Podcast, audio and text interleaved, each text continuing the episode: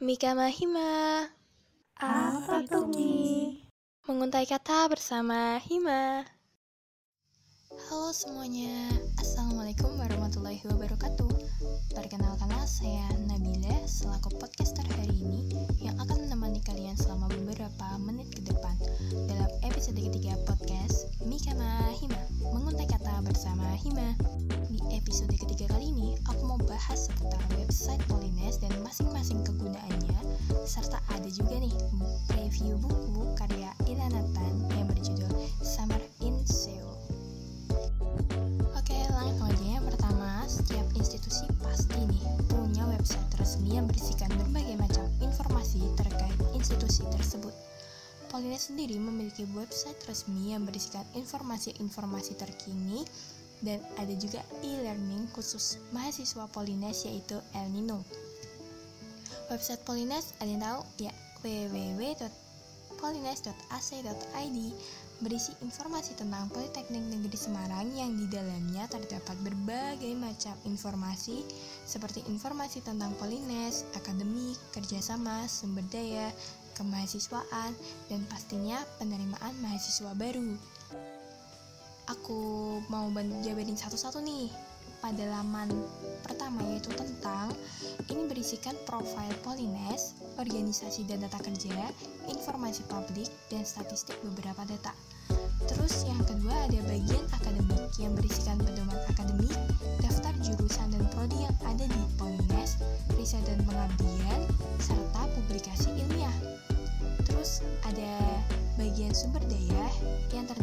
sumber daya manusia yang berisikan daftar dosen dan tenaga kependidikan di Polines. Ada pula bagian pusat dan unit serta sarana dan prasarana. Terus nih ada bagian kemahasiswaan berisikan daftar organisasi kemahasiswaan seperti BEM, BPM, HMJ, dan UKM yang ada di Polines. Ada pula kok layanan kemahasiswaan yang biasanya untuk mendaftar beasiswa, mengurus surat PKL, magang, dan lain-lain. Terus yang terakhir, ada bagian tentang informasi penerimaan mahasiswa baru. Ini buat maba-maba yang baru aja resmi jadi mahasiswa Polines pasti nggak asing sama ini ya. Informasi penerimaan mahasiswa dari berbagai macam jalur tertera dengan lengkap di halaman tersebut, mulai dari tanggal-tanggal pentingnya hingga berkas yang harus disiapkan. Bagian ini juga biasa disebut SIMBA Polines atau Sistem Informasi Penerimaan Mahasiswa Baru Polines. Nah, untuk e-learning, dampak dari pandemi ini, Polines juga punya nih website e-learning atau belajar daring yang bernama El Nino, e-learning system of Polines. Mulai dari presensi, pengumpulan tugas, dan materi-materi biasanya bakal dilakukan di situs El Nino ini. Sempat terjadi beberapa error karena saking banyaknya yang uh, mengakses El Nino ini, kadang untuk absensi, pengumpulan tugas dan sebagainya dialihkan menggunakan media lain seperti WhatsApp group atau Google Classroom gitu.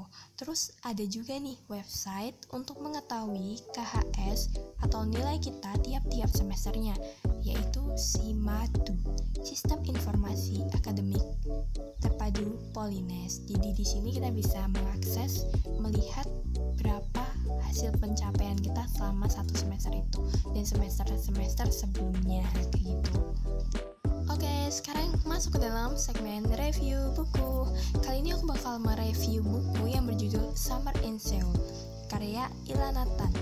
Jadi Summer Seoul ini sendiri tuh diawali dengan kejadian tak terduga yang dialami tokoh bernama Han Sun Hee saat ia mengunjungi sebuah toko untuk membeli beberapa keripik kentang. Hmm, enak nih.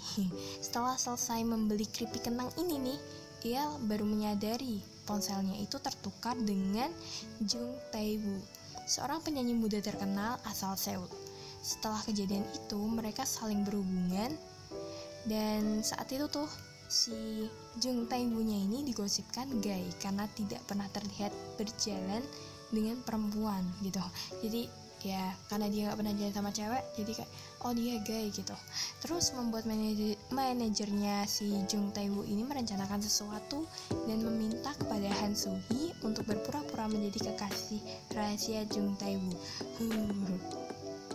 Kisah romansa yang ditampilkan dalam novel terasa ringan, apik, dan tidak terasa bosan saat dibaca. Terus perasaan yang dimunculkan dalam tokoh ini ya, bisa terasa mengalir dengan sangat sederhana, namun kayak nyata gitu.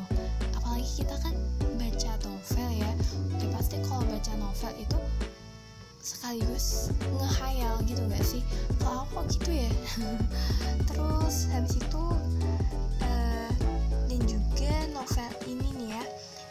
menonjolkan kehidupan anak zaman sekarang. Anak zaman now yang hidup serba modern dan juga mengajarkan ketika berada di negeri orang, kita itu harus menjaga sikap dan perilaku kita. Novel ini bercerita tentang kekeluargaan, persahabatan, dan cinta. Of course ada cintanya karena judulnya aja udah kayak gitu ya. Terus kisah cinta dalam novel ini juga bagus dan akan menarik bagi siapa pun yang membacanya. Akhir cerita ini juga akan membuat hati pembaca terhanyut dalam cerita.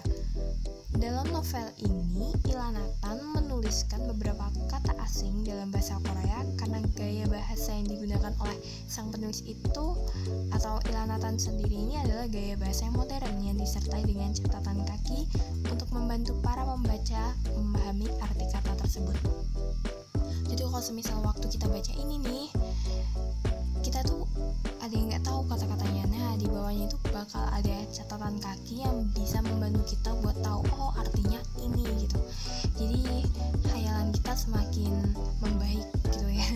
Nah akhirnya kita sampai di ujung acara podcast. Hmm, saya Nabila undur diri ya. Terima kasih sudah mendengarkan sampai akhir. Sampai jumpa